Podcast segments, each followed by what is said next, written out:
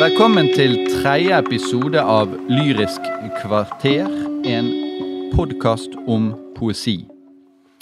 Eh, I dag har vi med oss en gjest som heter Eli Fossdal Våge. Hei, hei. Hei. Hun er forfatter eh, og har utgitt også poesi. Ja. Ja. Eh, ellers så er det da Jørgen Seiersted. Ja, ja. Som er professor i nordisk litteratur og fast eh, i Lyrisk kvarter. Og så er det meg selv, Frode Helmik Pedersen, også professor i nordisk litteratur. Men som vi har sagt flere ganger, her er det ikke et sted for å være professorale, men for å være lesere. Eh, hvor godt vi liksom klarer å oppfylle det, det eh, får det bli opp til lytterne å avgjøre. Eh, ikke minst i dag. For i dag har vi med oss eh, som første tema, eller første dikt, eh, et forskningsfunn. ehm, kan vi vel si. Og det forskningsfunnet kommer vi tilbake til, men det er, har vi tatt med litt fordi at vi vil være med å feire Pride-måneden, Bergen Pride, som er fra 2. til 10. juni, eh, som da er en uke som sammenfaller med Holberg-uken i Bergen. Og dermed så er er det naturlig å ta opp da et dikt av Holberg, som også ifølge Jørgen Sejersted er et skeivt dikt, og Danmark-Norges første skeive dikt i historien. ja, stemmer det. Uh, er du ferdig med introen nå? Kan jeg? Ja, du kan, ja. eh, for- du kan fortelle oss litt om dette diktet. Takk skal du ha. Eh, ja, eh, dette diktet, som begynner altså kan kalle det Grønne lunde skygget skove, det er slik det begynner, første linje, det er altså Holbergs eh, gjendiktning av Ovids eh, tekst om Narsissus' klage. Så du har da myten om Narsissus, som jo blir forelsket i sitt eget speilbilde. Og så, hos Ovid, så har du da Narsissus. Han klager over at han ikke kan få denne andre mannen som han ser i, i vannet. Så det er det umulige begjær, og det er gleden, lysten, men også det håpløse og, og umulige ved det begjæret som, som Narsissus' klage handler om. Men kan, du, men kan du si kanskje litt først om dette med Holberg og det å være skeiv? Ja, eh, vel, vel. Nå, nå har jo jeg eh, Jeg har jo sagt i avisa allerede at det kan da ikke være Eller at det må være ukontroversielt å kalle Holberg skeiv. Det, det sa jeg i Morgenbladet for en stund siden. litt, Det var visst ikke helt ukontroversielt, det ble litt diskusjon. Men, eh, men det er klart eh, Begrepet skeiv er jo eh, ja, et relativt åpent begrep, kan man si. Eh, For noen så er det eh, synonymt med homofil, mens eh, for andre definerer det mer som eh, ja, i, ja, ikke i takt med heteronormativiteten, da, kan vi si. Ja. Uh, Men uh, etter min mening så er det ganske klart at Holberg er skeiv i, i mange av ordets betydninger, egentlig. Men, uh, men det skeiv var jo et begrep som ikke fantes på Holbergs eh, tid. Så, så Men Holberg, han, han han eh, levde jo sitt liv som ungkar, og han skrev Altså, han påkaller i sitt forfatterskap veldig mange av den klassiske litteraturens steder der, der de klassiske, de greske og de romerske tekstene tar opp eh, seksualitet og eh, begjær og erotikk mellom menn. Ja. Og han leker seg med det. Ja. Så det er, et av, det er på en måte det litterære argumentet for dette. Og så er, det, så er det en annen diskusjon, og man kan jo lese om det i Holberg-biografien til Langslett. Han tar opp problemstillingen også, så det er ikke en ny problemstilling. Men det som jeg mener er litt nytt, er å, er å etterspore dette i forfatterskapet. Og da er jo et av nøkkeltekstene akkurat denne gjendiktningen av Narsissus' klage. Ja. Kanskje vi skal lese det, eller skal du si litt mer om det først? Jeg kan si litt mer, for det, eh, dette er en lyrisk tekst da, som forekommer i et eh, verk som heter 'Metamorfosis', som Holberg skrev i 1726. og Det er et av hans aller minst kommenterte verk, for det er et merkelig verk med et absurd, satirisk eh, rammefortelling som bygger på eh, Ovid, da. Den klassiske forfatteren, romerske forfatteren Ovids 'Metamorfosis', eller 'Forvandlingene'. Men eh, Holbergs tekst er en, helt, en, en, slags, eh, en slags parodi da, på Ovid. Men inni denne komisk-parodiske teksten så ligger det noen lyriske elementer. Og ikke minst akkurat denne lyriske gjendiktningen av Narsissus klage. Og faktisk senere i livet, i, når han skriver sine essays, Holberg, så sier han at finnes det, noe, eh, finnes det noe vakrere i hele den antikke litteratur enn denne linjen Flammas move ukve ferukve? Jeg, eh, jeg tenner ild, og jeg brenner selv. Finnes det noe vakrere enn det? Og det er jo nettopp hentet fra Narsissus' klage. Og Narsissus' klage det er klart, den handler jo først og fremst om egenkjærlighet. eller altså Fortellingen om Narsissus handler om egenkjærlighet. Men mm. akkurat Narsissus' klage, og det er et tema helt fra antikken, eh, der, der vet jo ikke Narsissus at det er han selv han ser. Han ser en annen mann. Så, så det, som, det, som, har skjedd med Narsissus, er at han, han, blir, han, er jo etterstrebet. Han er en vakker ung mann, og, og mange kvinner, annet. nymfen Ekko, er veldig, veldig, opptatt av han, men han avviser han er ikke opptatt av andre. Han avviser alle, inntil han ser denne andre vakre mannen i elven, da, eller i, i vannet. Speiler seg i vann. Men eh, det er da en, et objekt, et kjærlighetsobjekt som man ikke kan få, for det begjæret er umulig. Og det er dette umulige begjæret, og tvetydigheten i det umulige begjæret, som dette diktet handler om, og som, som Holberg dikter fram her da, i 1726. Jeg kan lese det. Ja. Eh, det begynner jo da med en påkallelse av naturen, nesten som et romantisk dikt. Men her er altså spørsmålet om naturen har sett altså kjenner, Har noen sett en slik kjærlighet som min kjærlighet? Har noen sett et slikt begjær som mitt begjær? Eller er jeg på en måte alene om det? Og så er det om dette tvetydige begjæret, som både er en velsignelse og eh, noe som kan ødelegge ham selv, og ødelegger de begge, og som ender da i en dødsbevissthet. Og Narsissus han dør jo også til slutt. ja. Eh, grønne lunde, skygget skove, purpur enge, bladet trær, siger meg på tro og love, vo meg lik i elske og vær. Siger om i kan erindre sådant syn i skoven før. Jeg ser alt hva sorg kan lindre, men av samme syn dog dør. Jeg ser den som meg behager, den behager jeg igjen. Den meg kveger, liv fratager, er min uvenn og min venn. Når jeg greter, han òg greter. Når jeg ler, han også ler. Jeg jo finner hva jeg leter, død og liv på en gang ser. Jeg gjør ild og hete lider, stikker an og brenner selv. Ilden som meg tær og sliter, stiger opp av fuktig elv. Gid hva jeg av trår var borte, gid den òg meg ikke så. Vi hinandens liv forkorte, begge brennende tørstige stå. Helvet jeg hør mot meg hvine, himmelen dog mot meg ler. Skjebnen meg påfører pine, og på en gang gunstig er. Jeg en galleblanding smaker i det honningsøte vann, væsken har som tørst betager, dog står sjelen ut i brann. Jeg dog sitrer ei for døden, skjønt på fødselsdag jeg dør. Sjelens skilsmiss slukker gløden, og på pinen ende gjør. Gi den måtte leve lenger, som min hedes tønder er, men dessverre en sjel her henger av to enige legemer. Ja, ja. Så, så det, er, det, er, jo ganske tett på Ovids tekst. Uh, ja, og så det, det, som jeg, det, som jeg, bare kan, før du fortsetter, da, som jeg kan liksom, si selv, det, det er jo det at veldig ofte på denne tiden, når man bruker myter, så er det jo kanskje for å gjenfortelle myter, eller for å gestalte mytene og sånn. Mens det man har her, er jo litt sånn atypisk fordi at det er stemmen. Det er den inderlige stemmen til Narsissus vi hører. Det er mm. jeg-fortelling. Mm. Det er jo eh, tydelig skilt ut hos Ovid. Og mm. dermed så får man vel en sånn inderlighetsdimensjon i det. Sånn. Ja. Og uh, det er jo, da. Det er enda tydeligere skilt hos, hos Holberg, for hvis man leser i rammefortellingen, så blir jo dette utsagt. Ikke av Narsissus. Narsissus blir ikke nevnt av Holberg her. Han, han, viser ikke til den myten direkte. Eh, selv om dette er en opplagt gjendiktning. Men det blir jo uttalt av en sjampinjong, faktisk. En sjampinjong som er altså barnet til to incestuøse lopper som har vært sammen da på brystet til en nymfe. Så det er en, det er en sånn ekstrem Eh, satirisk og, og, og, surrealistisk. da, rammefortelling. Så, han har pakket det inn, egentlig? da? Han har pakket det inn i en sky av, av uforståelig og lite morsom og absurd satire. Men eh, etter min lesning Det høres litt morsomt ut da, med sjampinjongen? Ja, det er litt morsomt, sjampinjongen kanskje. Men, men nei, det er først og fremst altså, Og det er også grunnen til at Metamorfosis ble blitt ansett som en helt mislykket tekst. Men det er etter min mening eh, fordi den, den, er på en måte en, den, den er en, en, finte, altså en manøver bort fra det som er kjernen.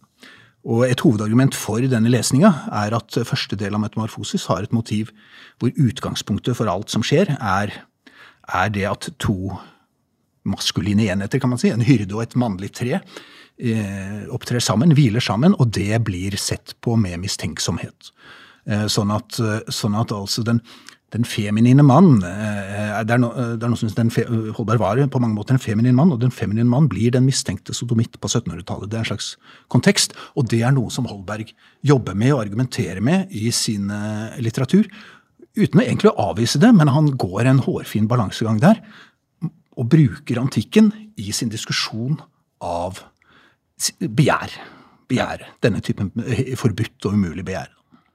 Eh, du, du sa at, eh, at i, hos, i, i, myten så vet ikke Narsissus at det er speilbildet.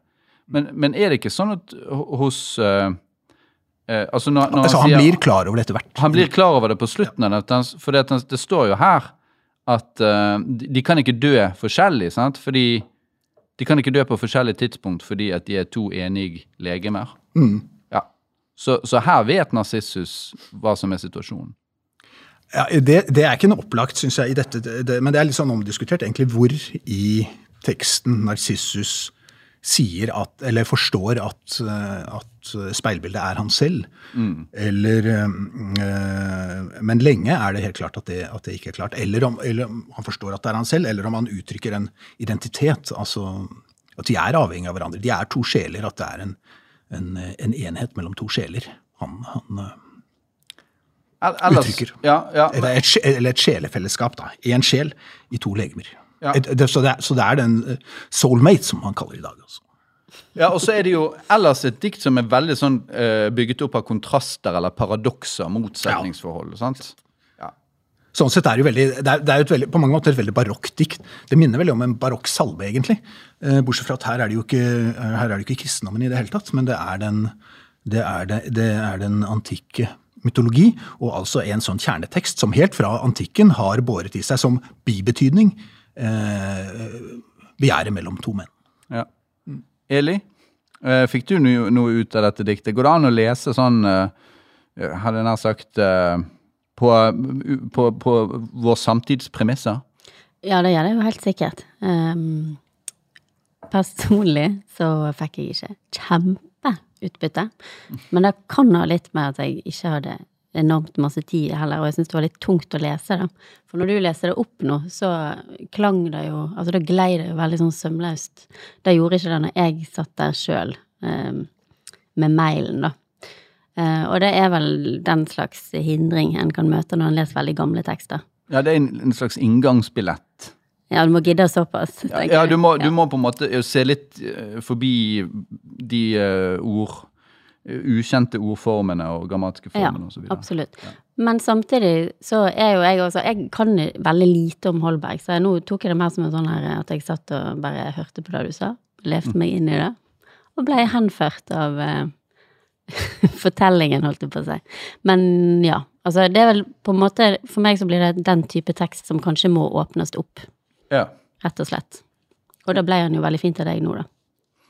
Uh, ja, og et, et, sånt, eh, et, et, sånt, tema som er ganske sånn tydelig eh, her, ja, i alle fall hos Ovid, uh, da, det er jo at Eller i myten.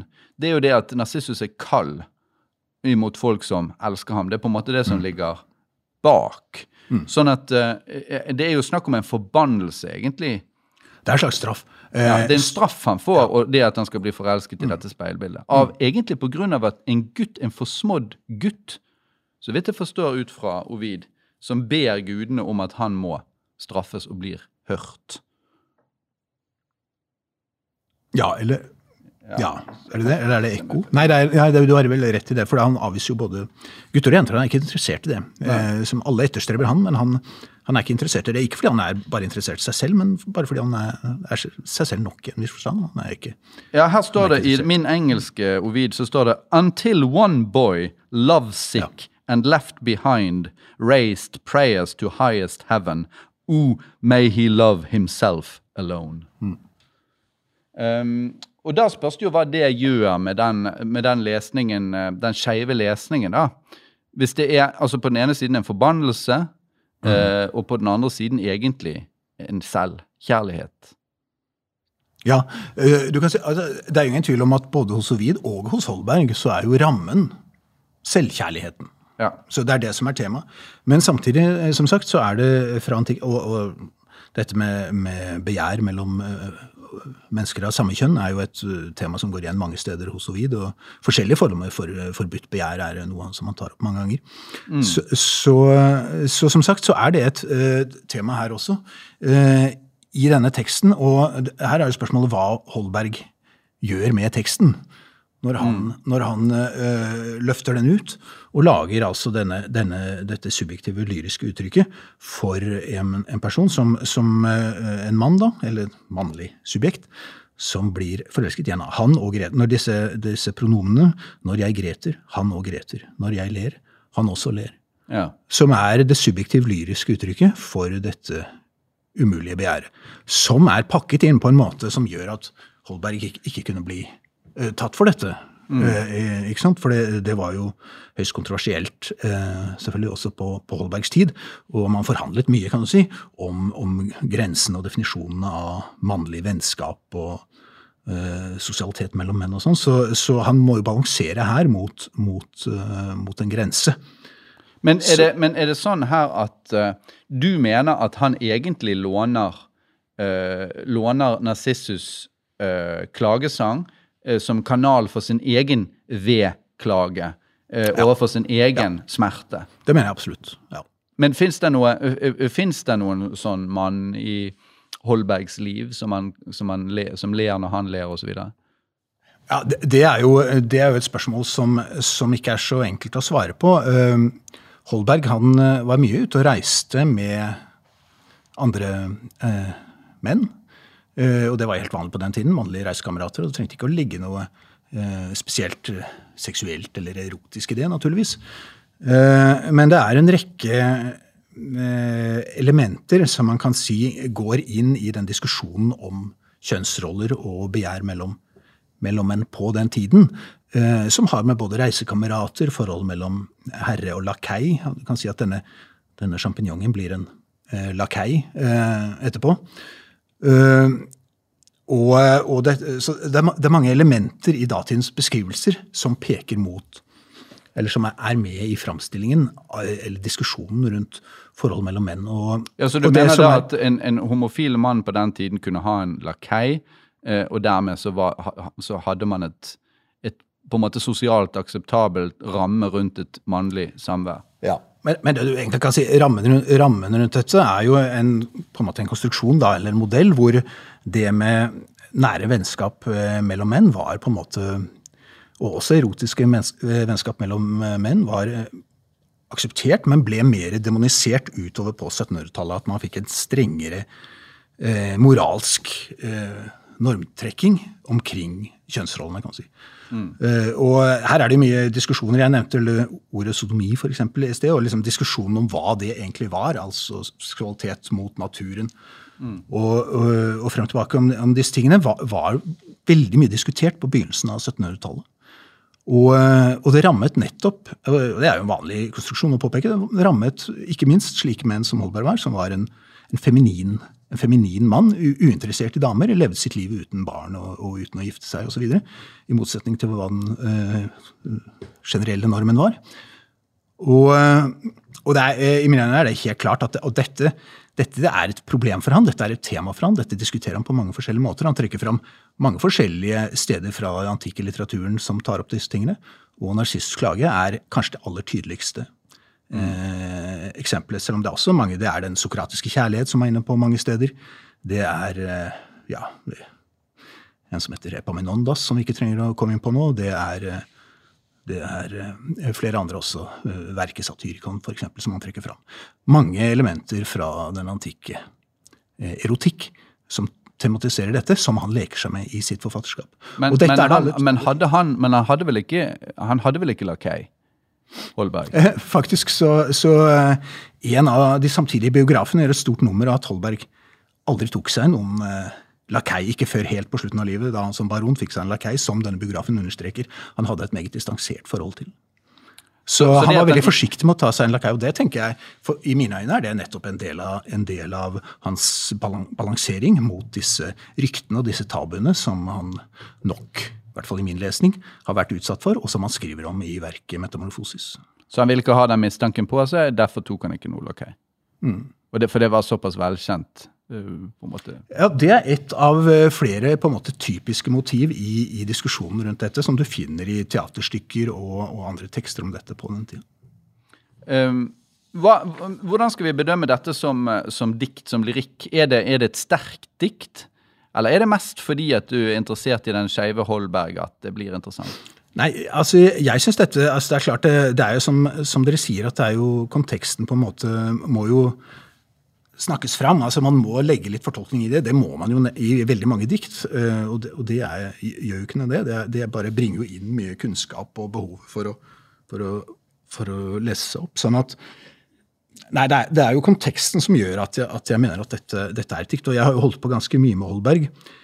Eller det er konteksten som gjør at jeg syns at dette er en sterk tekst. Ja, ja, ja. uh, og jeg har holdt på ganske mye med Holberg. Han skriver jo ikke mye lyriske ting. Det er ikke så veldig mange sånne inderlige passasjer i hans ting. Han er en satiriker og, og en essayist, og han skriver om eh, mye forskjellig i alle slags sjangere, men veldig lite egentlig inderlig lyrikk. Men her er det elementer av inderlig lyrikk i hans aller mest satiriske verk, og, den kontrasten er veldig sterk. og og eh, jeg mener at, jeg mener at eh, den lesemåten her egentlig er ganske, ganske udiskutabel, etter min mening. Eller i hvert fall veldig nærliggende. Så, så disse setningene For dette, han hadde jo selv fremhevet av den ene dette ene, disse to versene 'Jeg gjør ild og hete lider, stikker an og brenner selv'. Og det er på en måte kjernen i Ja, det er det, er det han, han trekker fram som et slags høydepunkt i hele den antikke lyrikken. Og, og litt sånn overraskende for Holberg, fordi dette med, dette med den typen begjær, da, eller, eller kraftige følelser, det, det, det ligner ikke ham ellers. Men, eh, men her har han funnet noe, et, et lyrisk punkt i, i antikken, som har talt veldig sterkt til han. Og han nevner ikke da i det, i det hvor han tar det fram, at dette har han jo faktisk selv gitt en gjendiktning av, en veldig lyrisk gjendiktning av, i det satiriske verket 'Metamorfosis'. Så det, det må man bare vite. Er det noe mer vi trenger å si om uh, dette diktet før vi går videre? Eh, det, er jo, det er jo forfattet egentlig ikke av eh, Holberg, men av en viss Hans Mikkelsen. Og mm. dernest eh, vel kommentert av en av hans andre pseudonymer. Eh, Just Justesen. Ja. Ja. det, ja, det er klart. Han, han, eh, han eh, Holberg driver et slikt maskespill, eh, og han har pseudonymer. Og dette Mats Mikkelsen, denne bryggeren fra Kallundborg, som er da hans alter ego i begynnelsen av forfatterskapet. Ja, altså en, en eksponent for, eller en representant kan man si, da, for det nye framvoksende borgerskapet. Da, en handelsmann, en brygger. Ja. uh, som, som aspirerer til dannelse og til å være poet, men som er sånn folkelig og, enkel på en måte. Og så blir han da fortolket av Just Justesen, som da er en lærd pedant. Og så, og så svever Holbergs stemme liksom bak det hele. Um, Og det var vanlig på 1700-tallet? Eller? Ja, øh, dette, dette spillet med forfatter og forfatteridentiteten kan man si uh, finnes det mange eksempler på. Ja. Men, men det er klart at øh, på den tiden i 1726, når Holberg utgir dette, så visste jo alle at det var Holberg som var forfatteren. ja. Selv om det, det kan ha begynt, det kan ha begynt med Peder Porsche og sånn, som en slags, en slags tilsløring av, av hvem forfatteren er. Fordi at det er klart at Holberg, han, han, når han driver og traderer den latinske arven, som jo inneholder mye øh, om moral og politikk og sånne ting som kanskje ikke passer inn i datidens øh, Danmark, Norge, så Han oversetter det jo til dansk, det er jo det han gjør. Eh, Latinkulturen oversetter den europeiske kulturen eller latinkulturen til dansk. Da, da utfordrer han jo visse, visse normer, da. Visse tabuer her og der, og ikke minst når det gjelder erotikk. Og eh, Det er ikke det at han er veldig redd for det, men eh, han leker med det, og han balanserer på en hårfin grense, og han spiller på dette i forfatterskapet. Og det, det har vært litt lite eh, hentet fram.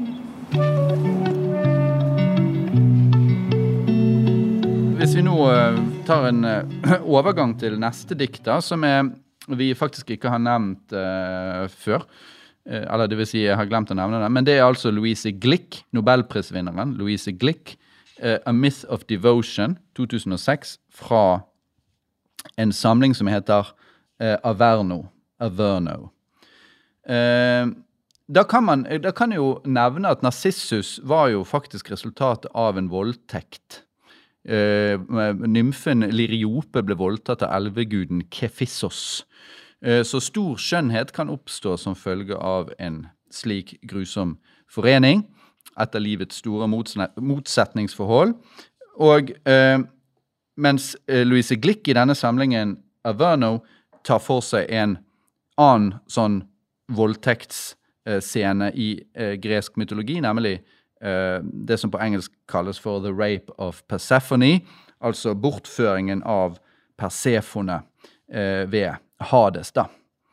Og litt av grunnen til at jeg assosierte vel egentlig til dette diktet når du snakket om Holberg og Narsissus, og litt av poenget mitt var jo da at jeg ville ta, vise hvordan eh, greske myter også da hele tiden ble brukt også i moderne lyrikk, helt altså samtidslyrikk, da. Og at det ikke er snakk om å krydre diktene med referanser til antikkens tekster, men å på en måte da bruke mytene til å gestalte språklig det vi kan kanskje kalle for evig aktuelle menneskelige temaer. Eh, når det gjelder denne samlingen her, da, jeg må si et par ting. da, så eh, Denne samlingen Averno eh, det, det, er jo da refererer til en kratersjø, Avernus, i nærheten av Napoli. Eh, og i antikken så ble den sagt å være en inngangsport til underverden.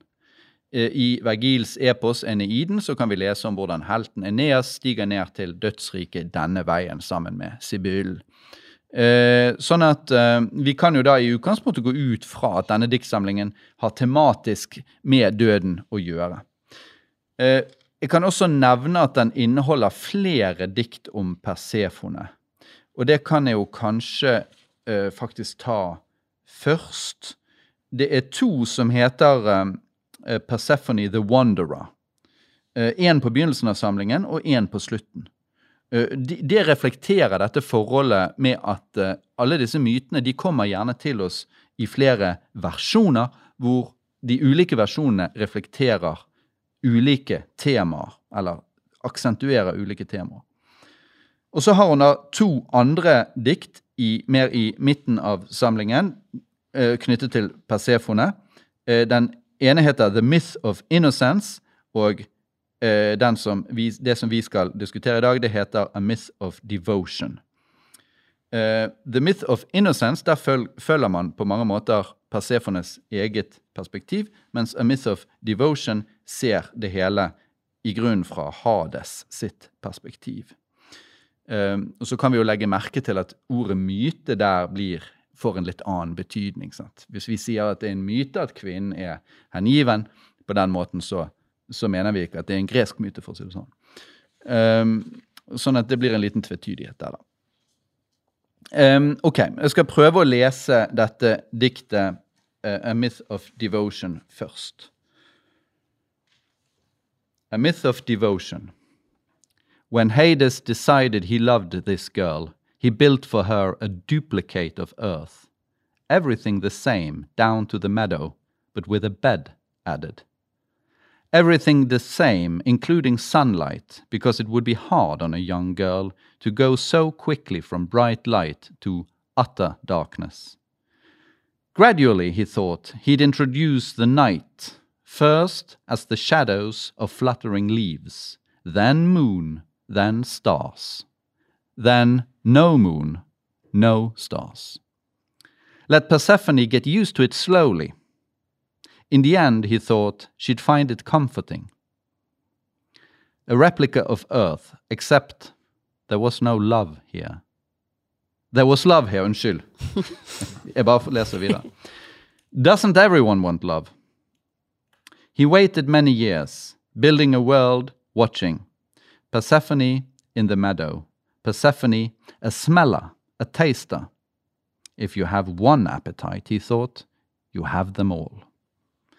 Doesn't everyone want to feel in the night the beloved body, compass, pole star, to hear the quiet breathing that says, I am alive?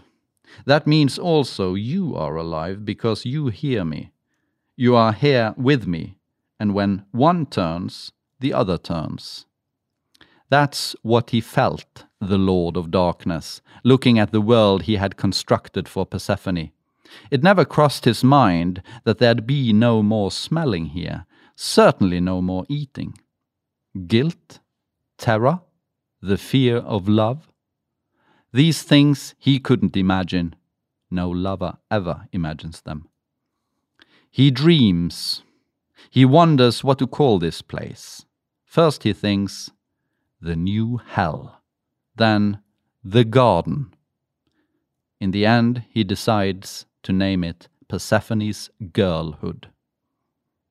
A soft light rising above the level meadow behind the bed. He takes her in his arms.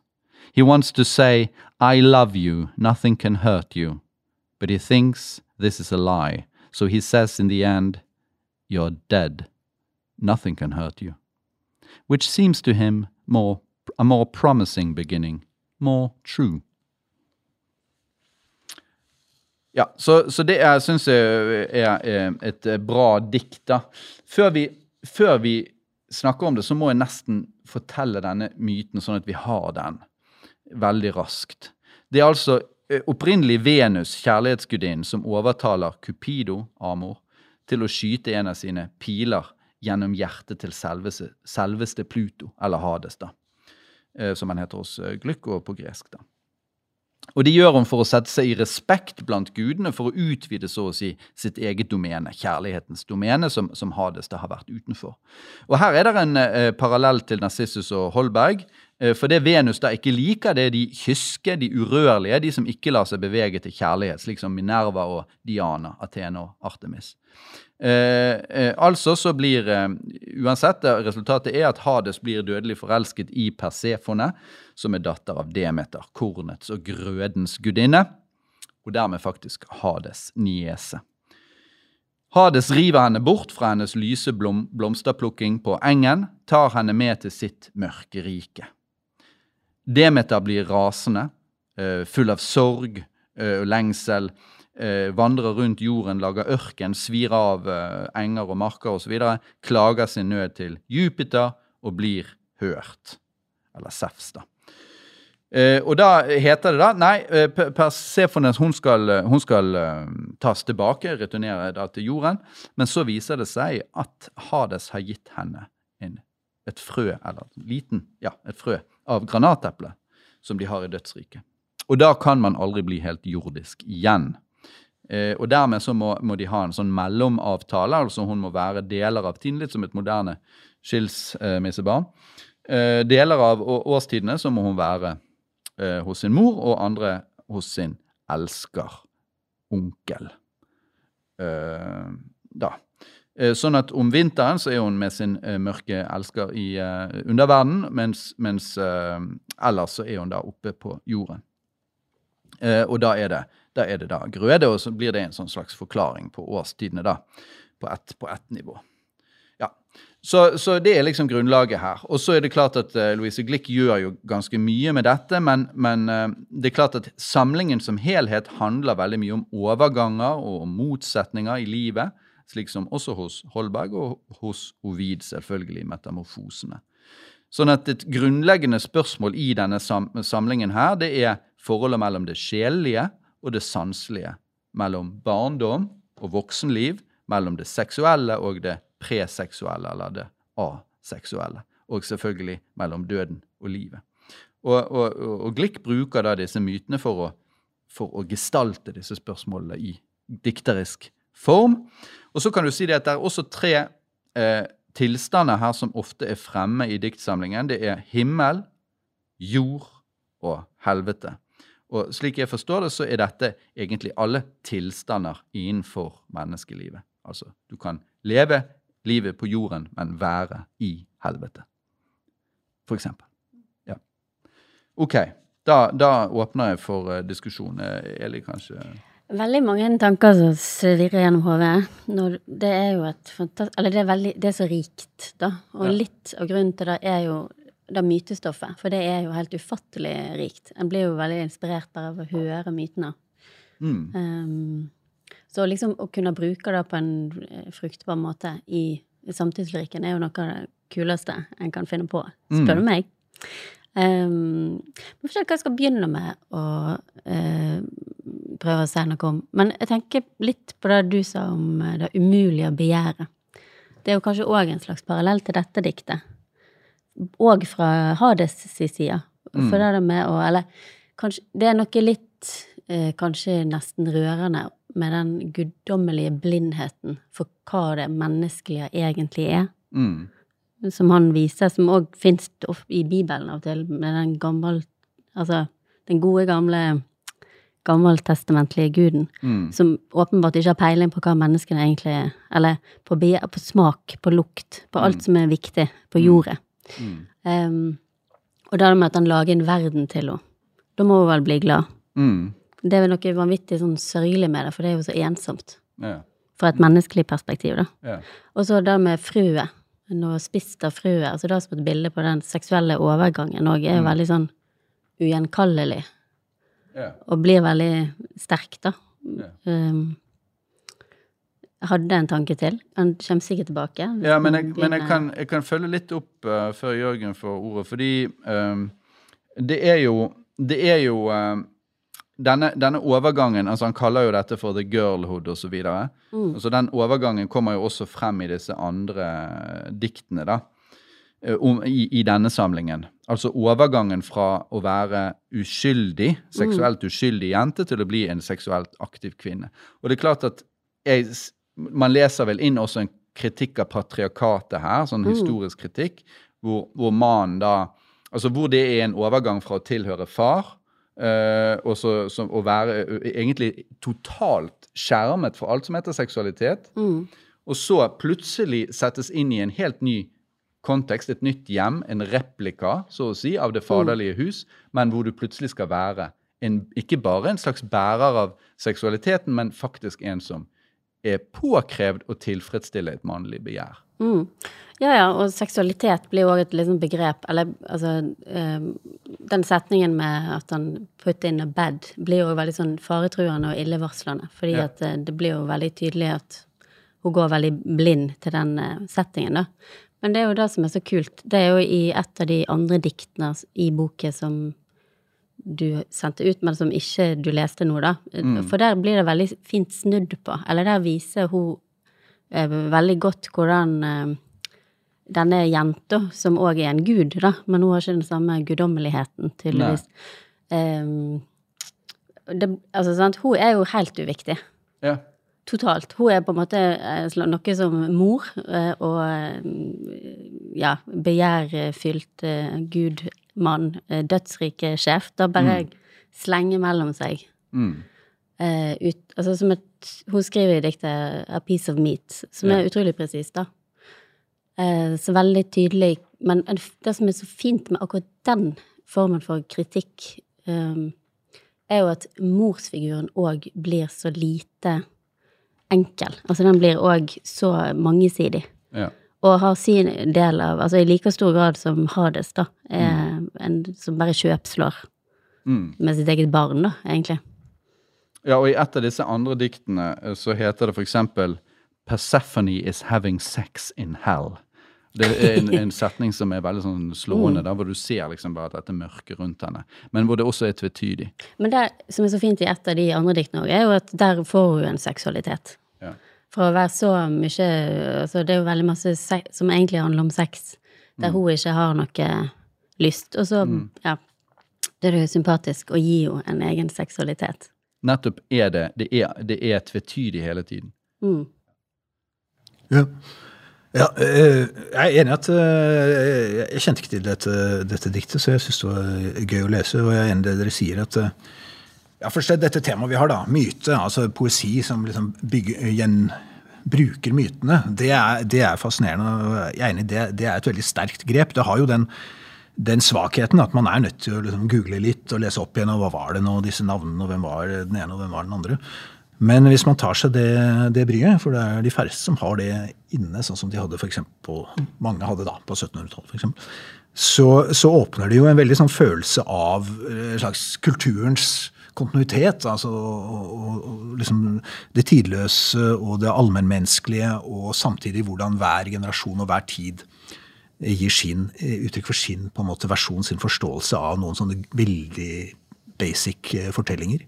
Så det, det syns jeg, eh, jeg også alltid er slående. Jeg altså liker den typen dikt som bygger, bygger på, på, myter.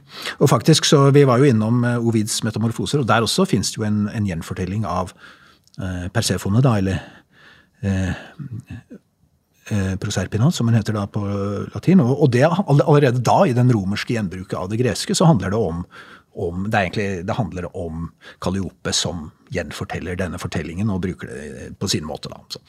Så, så det er fascinerende. Eh, samtidig så, så syns jeg Frode har jo her valgt ut et, et dikt som, som, dere har vært inne på egentlig skiller seg ganske mye fra de andre, i og med at her er det jo det mannlige, altså Hades. Det går veldig langt inn i akkurat mannens overgriperens perspektiv. perspektiv. Og veldig mye synes jeg liksom, opplevelsen av diktet og vurderingen av diktet henger på altså den poetiske innlevelsen i det perspektivet, hvordan den balanserer mellom en slags demonisering. altså Han, han bygger opp dette, han venter mange år, liksom ser hun vokser og vokser, mm. og liksom, når er hun klar? og sånn. Så, så, eh, samtidig syns jeg kanskje særlig det eh, hvor, hvor, han slipper det Doesn't everyone want to feel in the night the beloved body, compass, polestar, to hear the quiet breathing that says I am alive, that means also you are alive because you hear me. Uh, you are here with me, and when one turns, the other turns. Altså Den drømmen om det, om det på en måte, det, det fellesskapet der, da, uh, i denne sengen som han liksom uh, har satt opp der oppe, det, det er jo ganske, der syns jeg han lykkes i å gå ganske langt inn i å, å menneskeliggjøre Hades. Uh, og det er jo på en måte det, skal si det hovedelementet. Og så, og så, kommer det jo det utenfra perspektivet midt i diktet. Det var det han følte. Uh, Mørkets herre, da. The Lord of Darkness. Eh, og så blir det understreket på en litt sånn kanskje pedagogisk måte, eh, moralsk måte, hva han egentlig har oversett og ikke har forstått. Og Hvis jeg liksom, skulle kritisere dette diktet, så ville det jo være at det er på en måte ganske didaktisk. eller Det er, det er litt sånn ordrikt og, og, og liksom litt sånn forklarende.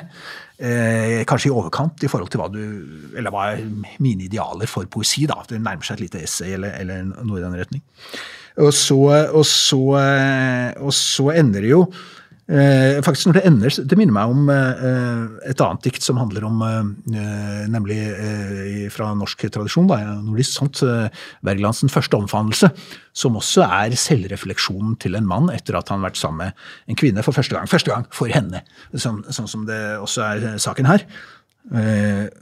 og det ender i denne her selv, selv, selvrefleksjonen You're dead, nothing can hurt you, which seems to him a more promising beginning, more true hvor hun er eh, på, på, en måte eh, ja, utslettes. You're dead, nothing can mm. hurt. Hun er jo døden hun er i her. Uh, og en slags selvgratulerende mann i en viss forstand.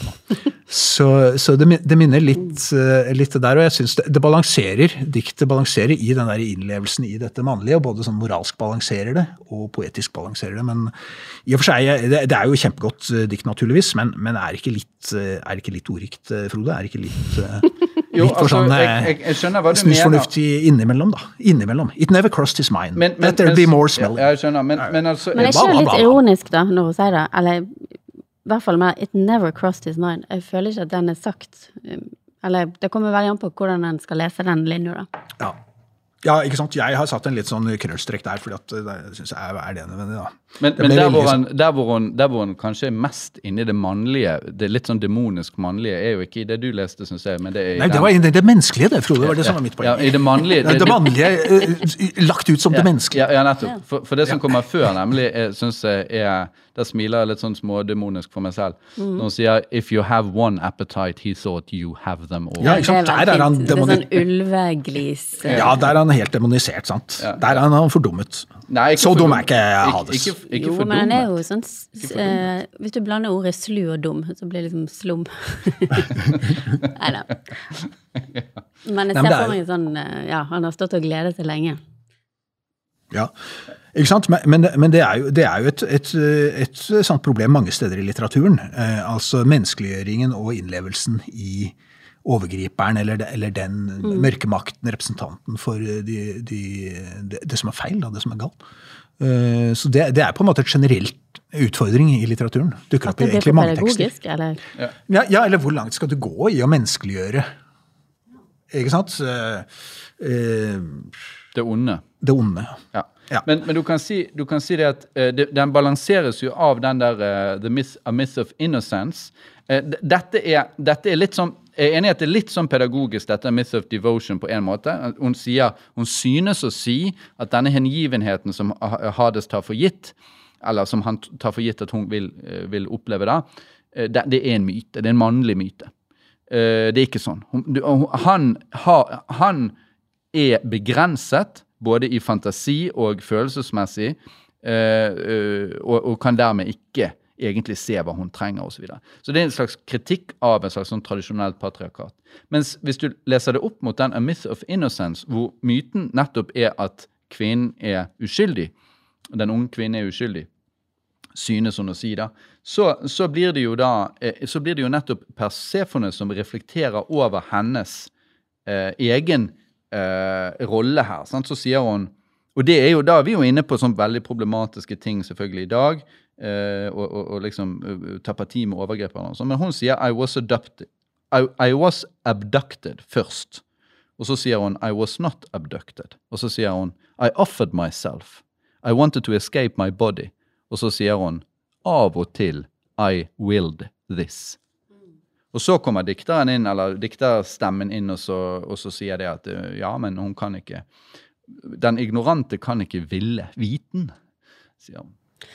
Det, jo, det diktet der er jo vanvittig interessant på mange måter, og litt fordi at uh, hun står jo på Avernus uh, og ser ned i den innsjøen som er inngangen til, uh, til dødsriket, da, eller underverden. Ja. Så er ikke det òg liksom en viss dødslengsel?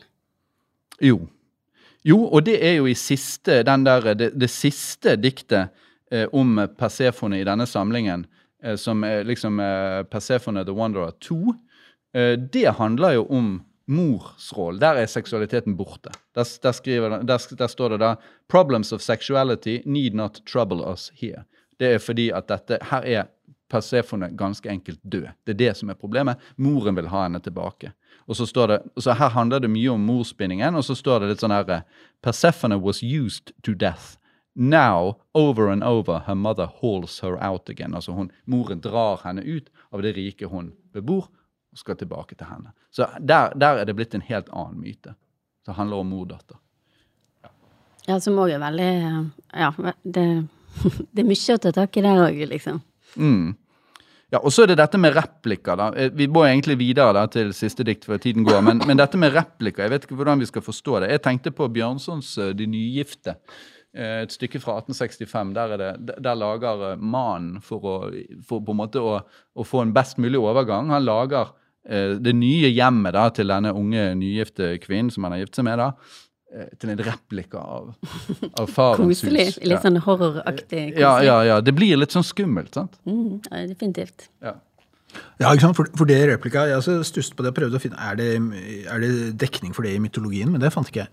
Nei, jeg tror ikke, jeg tror ikke det. Nei. Så det, det, er hennes, det er hennes ja, utlegging av denne, denne manns forsøk, da. På, Jeg tror òg det med more og mor-datter-relasjonen satt opp mot eh, ektemannen, som òg tilfeldigvis er døden, da, eh, blir jo veldig sånn eh, Ja, hvis vi egentlig skulle gå videre, så skal jeg ikke begynne på et kjempelangt resonnement. Men hele denne infantiliseringen av kvinner og kvinnes seksualitet. Ja. Eh, så på den måten får hun liksom ekstra et lag til å, å spille med, kanskje. Mm. Og bare det med de mytene og alle versjonene, det var det du sa i stad, som var så òg veldig interessant. At får en, det er så masse lag, og det er så mange nye varianter, at det kan liksom vokse og vokse. Man kan liksom dra ut flere og flere ting, da. Ja. Ja, og det minner oss på at det er en tradisjon. Altså Ja. en, en, fordi at hvis du, Det som jeg assosierer til av norsk tradisjon her, er jo, er jo da Kvitebjørn kong Valemon og den Mm. type eventyr, hvor elskeren er om natten osv. Så, videre. at du må Ja. Ja da, og det mor-datter-forholdet, det Demeter og Persefone, Ja. har det, det blir jo også lagt ut på ulike måter. Men det er den der voldsomme gjenklangen som du får med en gang du drar opp det mytologiske. Så det, det, det, det drønner på en måte, og det klinger. Eh, Veldig. Men det gjør jo òg at det er litt vanskelig å vurdere diktet, kanskje, eh, Ja. på en måte. Fordi at da har en jo fått hjelp av eh, alt.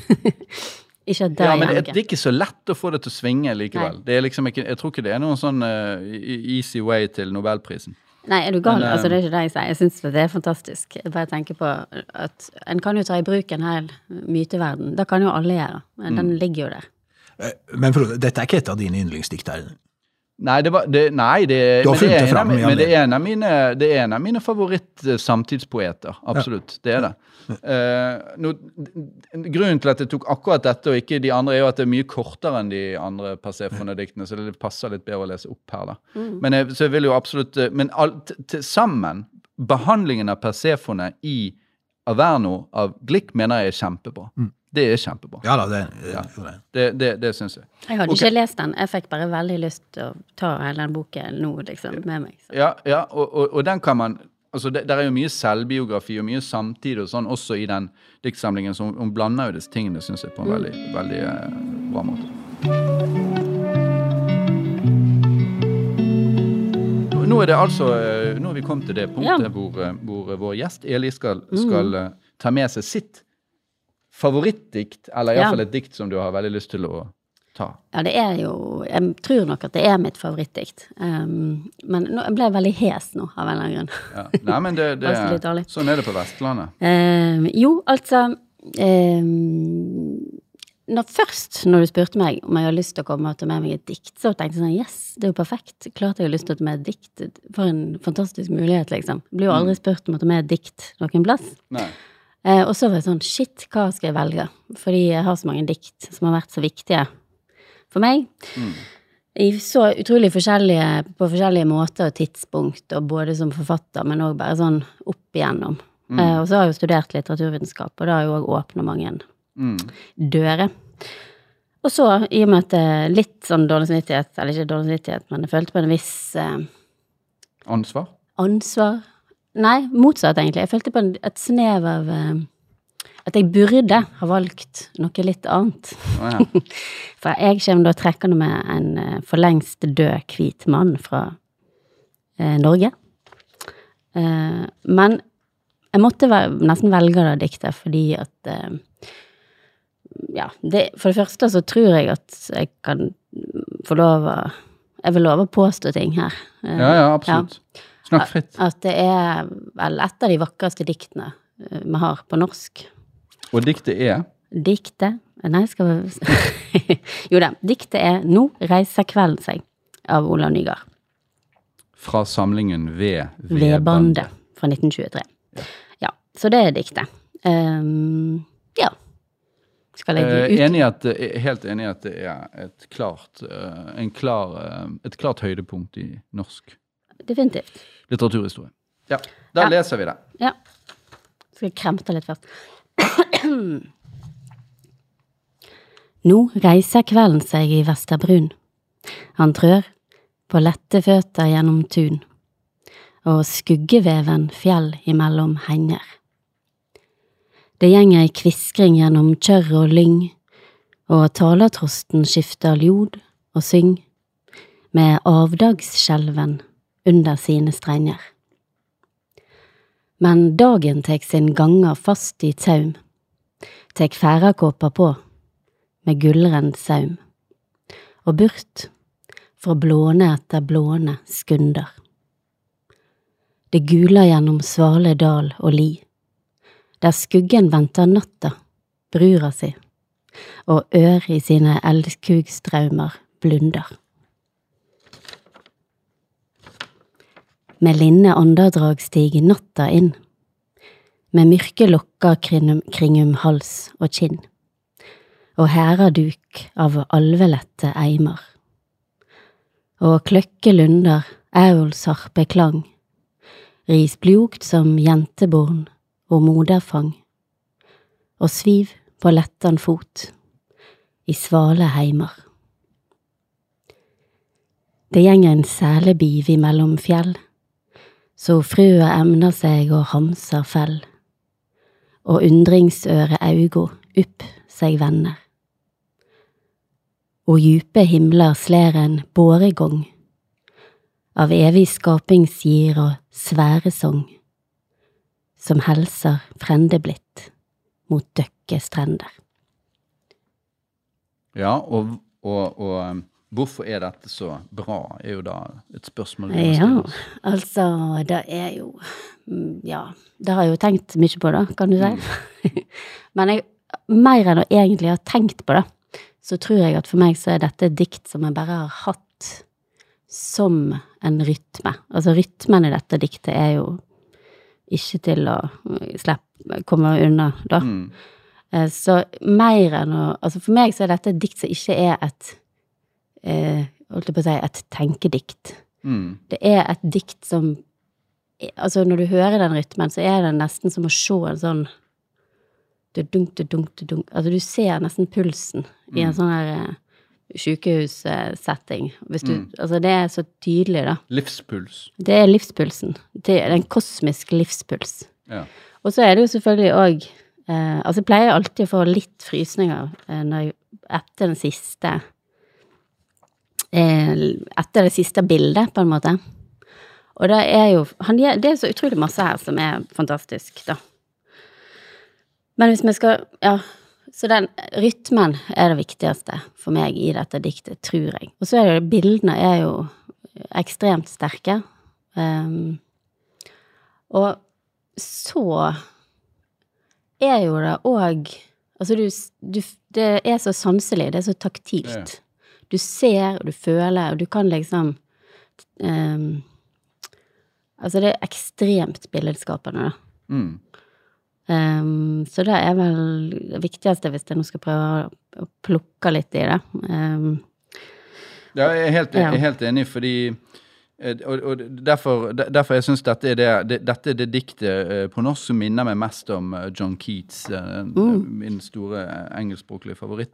Fordi at det er så sterkt på klang, ikke bare rytmen, men ordklangene, og sanselighet generelt. definitivt. Veldig enig. Men det ligger jo i selve ordene. Altså kvisk Det er så mange lyder der som er så eh, Ja, de er bare akkurat der de skal være, da. Ja.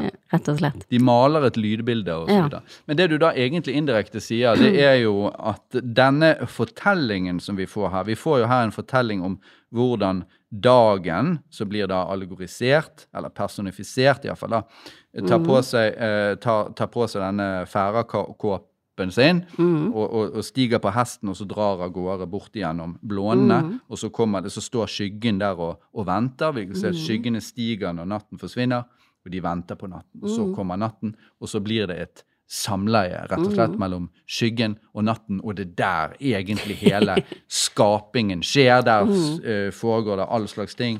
Eh, frø, eh, hva er det det står? Eh, Frøa emner ev, seg og hamsa hamsa fell, ja. Og, og det er selebyv imellom fjell. Her skaker alt. Akkurat det der med hamser fell. Du bare ser, ser for meg sånne bøkehamser som åpner seg og detter ned på bakken midt på natta. Eh, Her skjer det. Her, ja. Men Ja, og, og der bryter jo med det naturbildet, eh, hva? biologisk logikken. For det er ikke om natta at det skjer. Er ikke det i solskinnet, egentlig?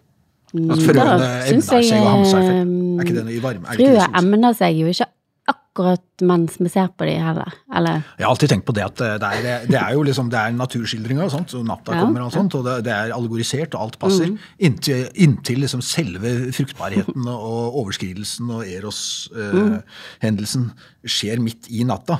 Ja. Eh, metaforisk framstilt eh, altså ved at frøya emner seg og hamser fell. Og Der, der føler jeg at logikken i allegorien bryter. Ikke at det er noe galt med det, det er tvert imot, kan jo være interessant nok. Men det, det, er ikke, det, det skjer ikke egentlig om natta. Det lukker det ikke er blomsten så som natta. uvesentlig for meg når jeg leser det Jo, diktet. Ja, men det, var, det er nettopp det du sa.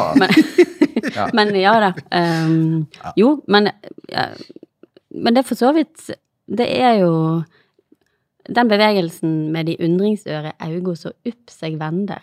Ja. Det det skjer jo en helt omveltning der. Ja. Ja. Ja, Ehm, vi, vi har jo diskutert uh, Gullhanen av Hauge her før, og, og, Mm. og, og det er jo som om eh, man er, her helt på slutten får, får inn et slags barn, har jeg liksom alltid tenkt. Da, men jeg vet ikke om det At det er en eller annen Å ja, de betrakter. undringsøre øyne. Ja, det er noen, en betrakter her som vender seg opp og ser, ser at dette skjer. Som observerer det at natten kommer og, og skyggen tar imot osv. Jeg har bare tenkt at uh, det er en del av det store kosmiske, og at det er òg alle fruene. Altså det er stor utstrakt besjeling av all natur, eh, liksom. Men jeg vet ikke om det er Nei, bare vet ikke. Hvem, hvem mener du? Barna ble det, da ble det litt rotete for meg. Nei, men Hele bildet her. er, Ja, var ja, barn ja, der også. et, et lyrisk jeg, da, iallfall.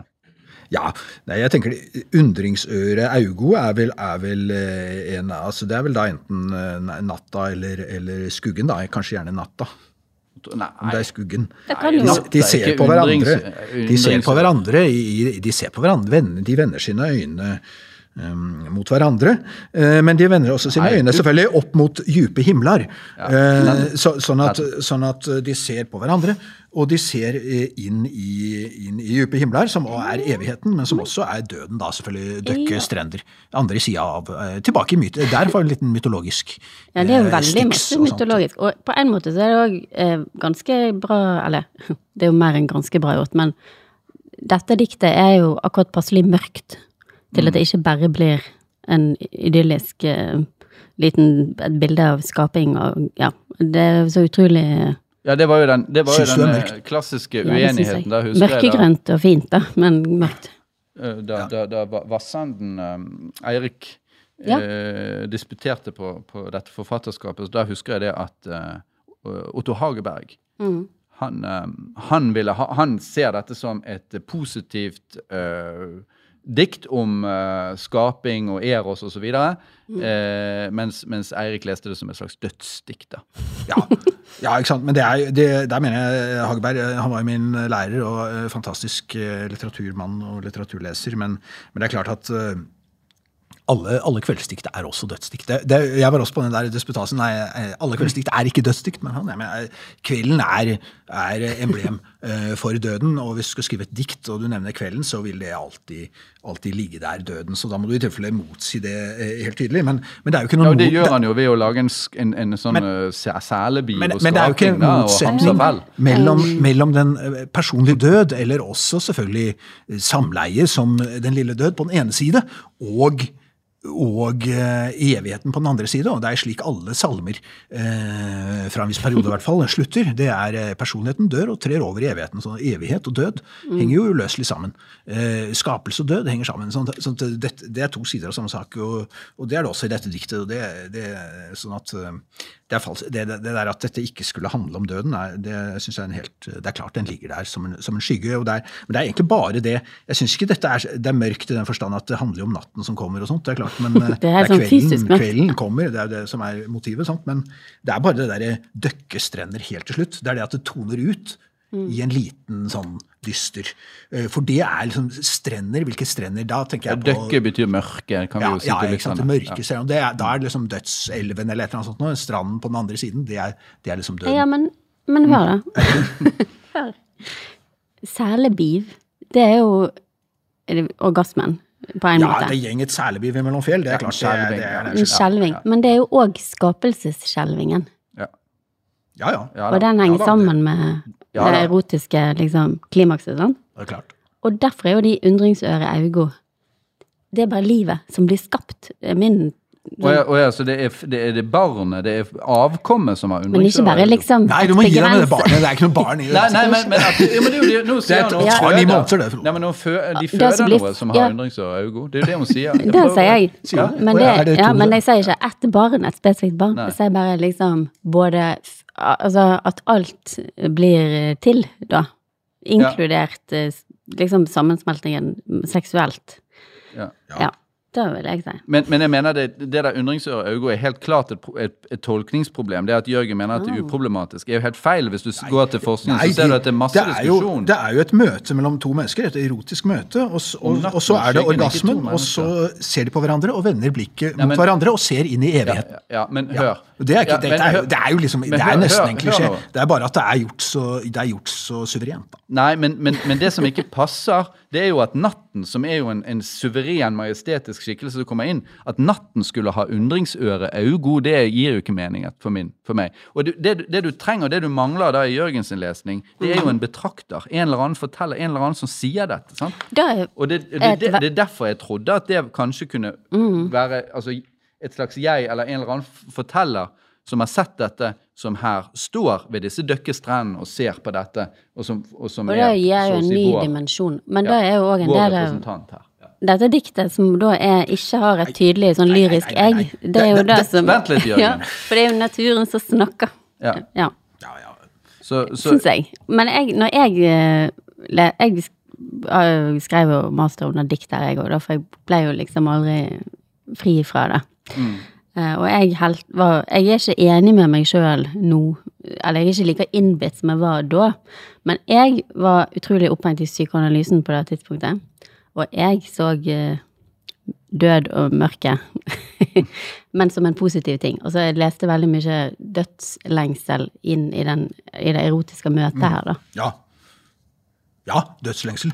Eh, det, det er jeg helt enig i. Men, men, til det der med, med dette barnet altså Dette er jo, ja, dette, dette er jo brura. Dette er jo bryllupsnatten. Eh, og hele, altså, hele Bibelen, Salmos høysang, brudedikt, eh, møte med Gud og evigheten. Alt det der eh, ligger jo under her, så, som, som, som det gjør i, i, i salmeretorikken i, i, veldig mange salmer. da. Sånn at det er bryllupsnatten. Og på bryllupsnatten, sånn konvensjonelt sett, selv om i våre moderne tid så kan det jo godt ikke sant, være Men det er ikke noe barn til stede der. Det, det, tar, det tar en stund før barnet kommer inn i, i ja, bildet. hvem er det som forteller dette til ditt syn, da? Hvor er, hvor er betrakteren her i dette diktet? Nei, det er ingen betrakter. Det er ingen betrakter. Hvem er det som merker denne selebiven? Hvem er det som ser at det helser frendeblitt mot dykke strender? Hvem er det som ser både dagen som, som forsvinner, og uh, skyggen som venter, Nei, det er, ikke noe, det er ikke noe jeg Så det er en forteller. auto, slags autoral Det er ikke noe jeg forteller i dette Det er en autoral, en alvitende autoral forteller i diktet. Nei, det er ikke noe forteller i, i dette diktet. Det er, ikke noe noen forteller i, det, er ikke, det er ikke noe forteller i noe dikt. Det er jo Det er det alltid lyriske jeget. Ja, og Ja. hvor er det lyriske jeget? Nei, det, det er jo her bare en stemning, det. Det er ikke en fortellerinstans. Eh, Det er jo epikken, det, som har forteller. Lyrikken har Jo, forteller. men hvis, hvis det er Ja, jeg tror du har et problem der. For det at en eller annen må jo betrakte dette. Det er jo en eller annen som må si at uh, En eller annen må jo si at, uh, at det er så videre. At det er frendeblitt, og så videre. eh, mest frendeblitt. Det, Ja. For meg så er det liksom der frendeblitt. Men jeg skjønner ikke, Mener du at det er jeg som betrakter som er de undringsøre augene? Nei, jeg som bare lurer. Nei, jeg bare, nei, jeg, jeg bare mener at det er et fortolkningsproblem. Men du, Nei, du, du tror åpenbart problem. at dette ikke er noe problem. Men det er et Nei, problem, bare for det har vært det, det, er et diskutert. det, det er et lyrisk jeg. det er et Ja, men det er et faktum, Jørgen, at det er et problem. Et fortolkningsproblem i, i Nygaard-forskningen. Det er jo det som gjør det vakkert og mystisk og fantastisk. At eh, det er liksom det, Jeg liksom har transcendert ut i, Ja? i noe annet. Men, og derfor er du så utrolig tett på. For det er ikke i veien. Når du leser det, så er du der og ser. ja. Helt her, liksom. Ja, og, og Hageberg nå husker jeg fra den disputasen, han, han, han snakket om hvordan du sto. For det, det som, det som eh, Vassenden laget, gjorde et nummer av, det er at kveld reiser seg. Det var et paradoksalt bilde. Men da, hvis du står med øynene nede f.eks. på Vossevangen og ser hvordan skyggene stiger, så reis det, det du opplever hver kveld, er at kveld faktisk reiser seg, og det er et realistisk bilde, mener han.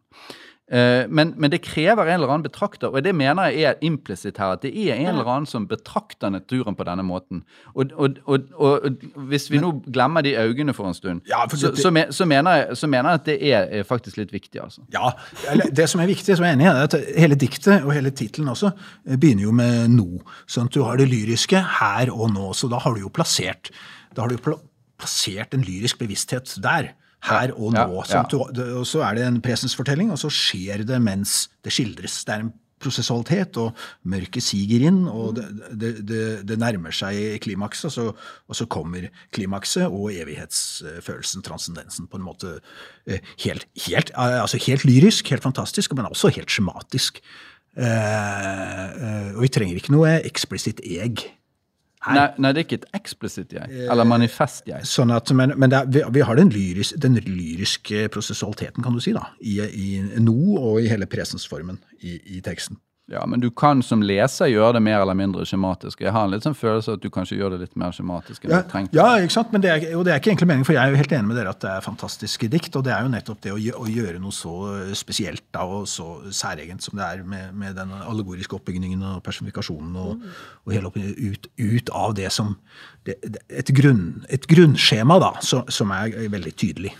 Og som du finner i 100 kveldsdikt som ender med eh, så ro sto jeg opp, på en måte, og det er ro, og det er evighet, og, og alt sånt. Men det er jo eh, bare aller siste Eller det er, mange, det er mange ting å undre seg over her, men det er òg et dikt som for meg har vært litt sånn at uff, hvorfor i alle dager valgte jeg å skrive master om det, for eksempel? For det er liksom så uh, Ja, det, det er vakkert. Det er nydelig. Hva mer skal det egentlig si, på en måte? Eller det Du er redd for å ødelegge det ved å snakke for mye om det? Ja, det blir jo veldig sånn klassisk eh, litteraturvitenskapelig idé, da. At du skal, du skal du åpne opp og dissekere de tingene du elsker, og se hvordan de er bygd opp. Er, elsker du de etterpå òg, da, liksom? Ja, ja, det blir, dikt blir bare bedre og bedre å bli snakket om. Jeg er helt uenig i den der, men jeg, vet det er veldig Ja, men- vanlig å, å si det. Ja, men det er det jeg mener. At det, man ødelegger jeg, følelsen jeg føler ikke at jeg har ødelagt det, men det jeg følte var liksom at jeg har liksom ikke For meg så er det mer en sånn tilstand, eller det er mer som, altså det er mer som et sang, da, egentlig. Mm. Og det er jo et enormt lyrisk dikt.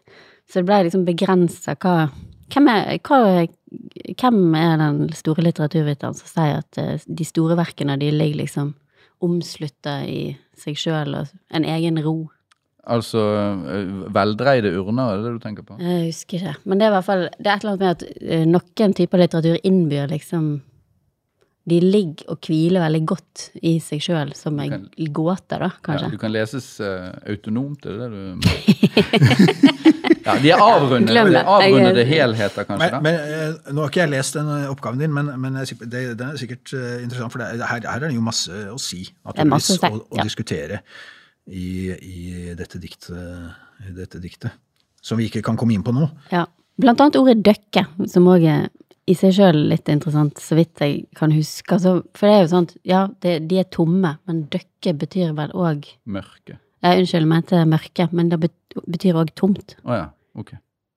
Ja, ja, det visste jeg ikke. Så du, Så er du, det du. døkke, og så er det kløkke.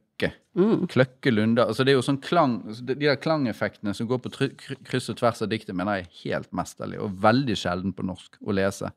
Og som jeg bare tror er sånn instinkt, nesten, som man må ha hatt. Mm. Altså ikke bare da, selvfølgelig, det er jo selvfølgelig ligger jo jobb og alt sånt bak, men den sansen må Det er jo helt eh, fantastisk at den at det går an. Men, men jeg må bare få komme litt tilbake til, for å klare, fordi at siden jeg begynte å krangle med Frode på det der med barnet, så må jeg jo innrømme naturligvis at det er et barn til stede i diktet. Eh, Det står jo 'ris blyugt' som jenteborn ord moderfang. Men det er jo den eneste, eh, merk det, eh, similen i diktet hvor metaforen går over. Så der er det, det er som et jentebarn. Det er Ja, ikke ja, det er et jentebarn. Ja, sånn at, sånn at eh, bare for Men, men, men, men det at du, du ville helst eh, ikke ha barn til stede når, eh, når noen sånn eh, har elsket elsker eh, På bryllupsnatten. Så- så- Altså, barna er til stede på ikke der, men det Nygaard er ikke så prippen da. Han inviterer jentebarnet inn Han er sånn i sin naturbarn. simile. Jeg skjønner ikke hvor det Nei, det var merkelig. Nei, da, da ble det rot. rot Eh, nei, nei, men, men, men jeg, jeg mener jeg har lest et eller annet sted at, at eh, det var en, tol en tolkning eh, som gikk ut på at det var et eller annet. Men at, at det er en eller annen betrakter der, da. Men vi, vi trenger ikke ja, Nå har vi sagt det. Nå har vi sagt det, vi trenger ikke å Du mener det, og jeg mener det. Nei, det er ikke noe mystisk. Nei, jo, det er Det er ikke noe uenighet. Uh, jo, det er uenighet, men du er sikker i din sak. Det er noe annet. Men det, det der er kosmiske, da. Altså, det er et eller annet som skjer, syns jeg, også når, når, eh, når dagen forsvinner. For dette åpner opp disse Altså, for fantasien, da, så åpner det opp en veldig mye større horisont når du får disse blånene eh, bortetter og bortetter. Det er som om du ser jorden dreie Uh, natten og dagen som skifter. Og det syns jeg er et, et veldig sånn uh, sublimt bilde, rett og slett. Og det er jeg veldig enig med deg i. Og at du ser liksom denne lysstripa over horisonten, Ja, ja. nesten, når, nesten som om du kan se hvor fort planeten snurrer, på en måte. Ja, det er nettopp det. Uh, som som Ja, men, men, men jeg husker det der, det der til sønnen min, hvor jeg, som, som altså, han blunder opp i de høyere sfærelag og sånn. Så det, Ja. det, det kan jo bli litt, nesten litt mye med sfære. Sfære. Ja, jeg syns akkurat det der sværesong, sfæresong, eh, det kosmiske, det er, det er nesten så det bikker over. Det blir litt for Eh, altså, jeg eksplisitt. det Eh, med, med liksom den eh, altså, altså, det der er jo Nygaard har en litt lettferdig omgang med, med svære Ja, han liker jo kanskje svære. enkelte ting veldig godt, og så lesser han jo veldig på med deg, da. Eh, Som svære og eter og ja. Ja, så så er det eolsharpe. Kan, kan gå litt langt. Så det er eolsharpe, Ja, sant? ja, Jonas Ja, Eh, og, og, og den sfæresangen, det er jo et, et romantisk motiv. Vel, velkjent romantisk motiv. Og der, og der er det jo der er jo den grunnleggende ideen, kjære lyttere, det er jo at, eh, at, det, at det menneskelige Uh, henger sammen med det kosmiske, og at du har en kosmisk harmoni. Altså Tanken var jo uh, hva er det det kalles pre-ptolemaisk Nei, pre, pre ikke be, be, um, Iallfall før Kompernikus. Hvem var det som kom med disse ellipsene? Eh, at, planetene går i ellipse. Hva er Kepler? Kepler, ja. Før, før Kepler så var, eh, så var eh, sfærene runde, og banene runde. Og dermed så hadde du perfekt Så var tanken at uh, du det var, Eller man trodde sang, det, da. Ja, det fantes en sang ute i universet som vi ikke kunne høre, men vi kunne fornemme. Uh, og den var perfekt. Harmonisk. Uh, og, og når den menneskelige sang også er da perfekt, harmonisk, så får du en sånn eh, samklang mellom mikrokosmos og makrokosmos. Og der henger alt sammen. Og sånn er det jo veldig i dette diktet. Nettopp, så det blir en figur for diktet. Mm. Så Jeg vet ikke om det er så lemfeldig, men jeg syns, det, jeg syns faktisk jeg ville ikke ha uh, unn, unnværet det i dette diktet, denne svære sangen. da. Nei, ikke jeg heller. Eh, Men det- det er veldig det, Sånn som du sa, det løfter jo eh, perspektivet. Eller det går jo fra noe litt lite med tunet og sånn, og så Ja. blåne til blåne. Ja. Da sprenger du liksom opp et utrolig stort rom. Ja. Mm. ja. Nei, nå har vi snakket veldig lenge, tror jeg. Jeg har ikke, jeg har ikke, hadde ikke klokke med i dag, så jeg tror uh, kanskje at uh, vi må avslutte. Men jeg, jeg, vil, jeg vil gjerne la dere få mulighet til å komme med en siste, hvis det er noe du brenner, dere brenner inne med om dette siste diktet her nå.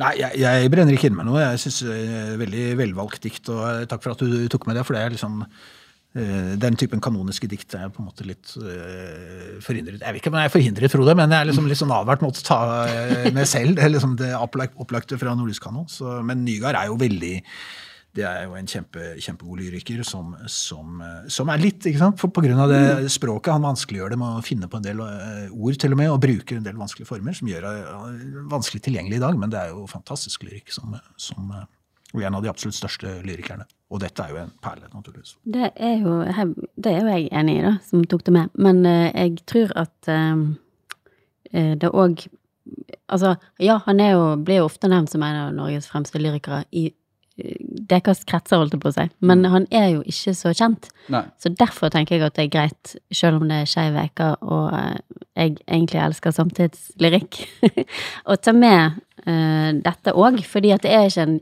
overbrukt klassiker. Nei. Men det er en klassiker som fortjener plassen sin som klassiker. Ja. Ingen tvil om det.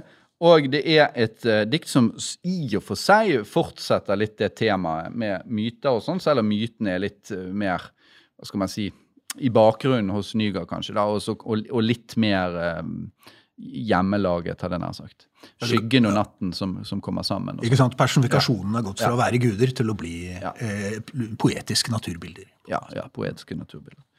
Ja, uh, Greit. Uh, men uh, da fikk vi litt uenighet i dag òg. Det er jo alltid forfriskende. Vi kommer aldri til å bli helt enige, men tusen takk for at du ville komme, Eli. Tusen takk for at jeg fikk lov å komme. Og takk, Jørgen, for kampen.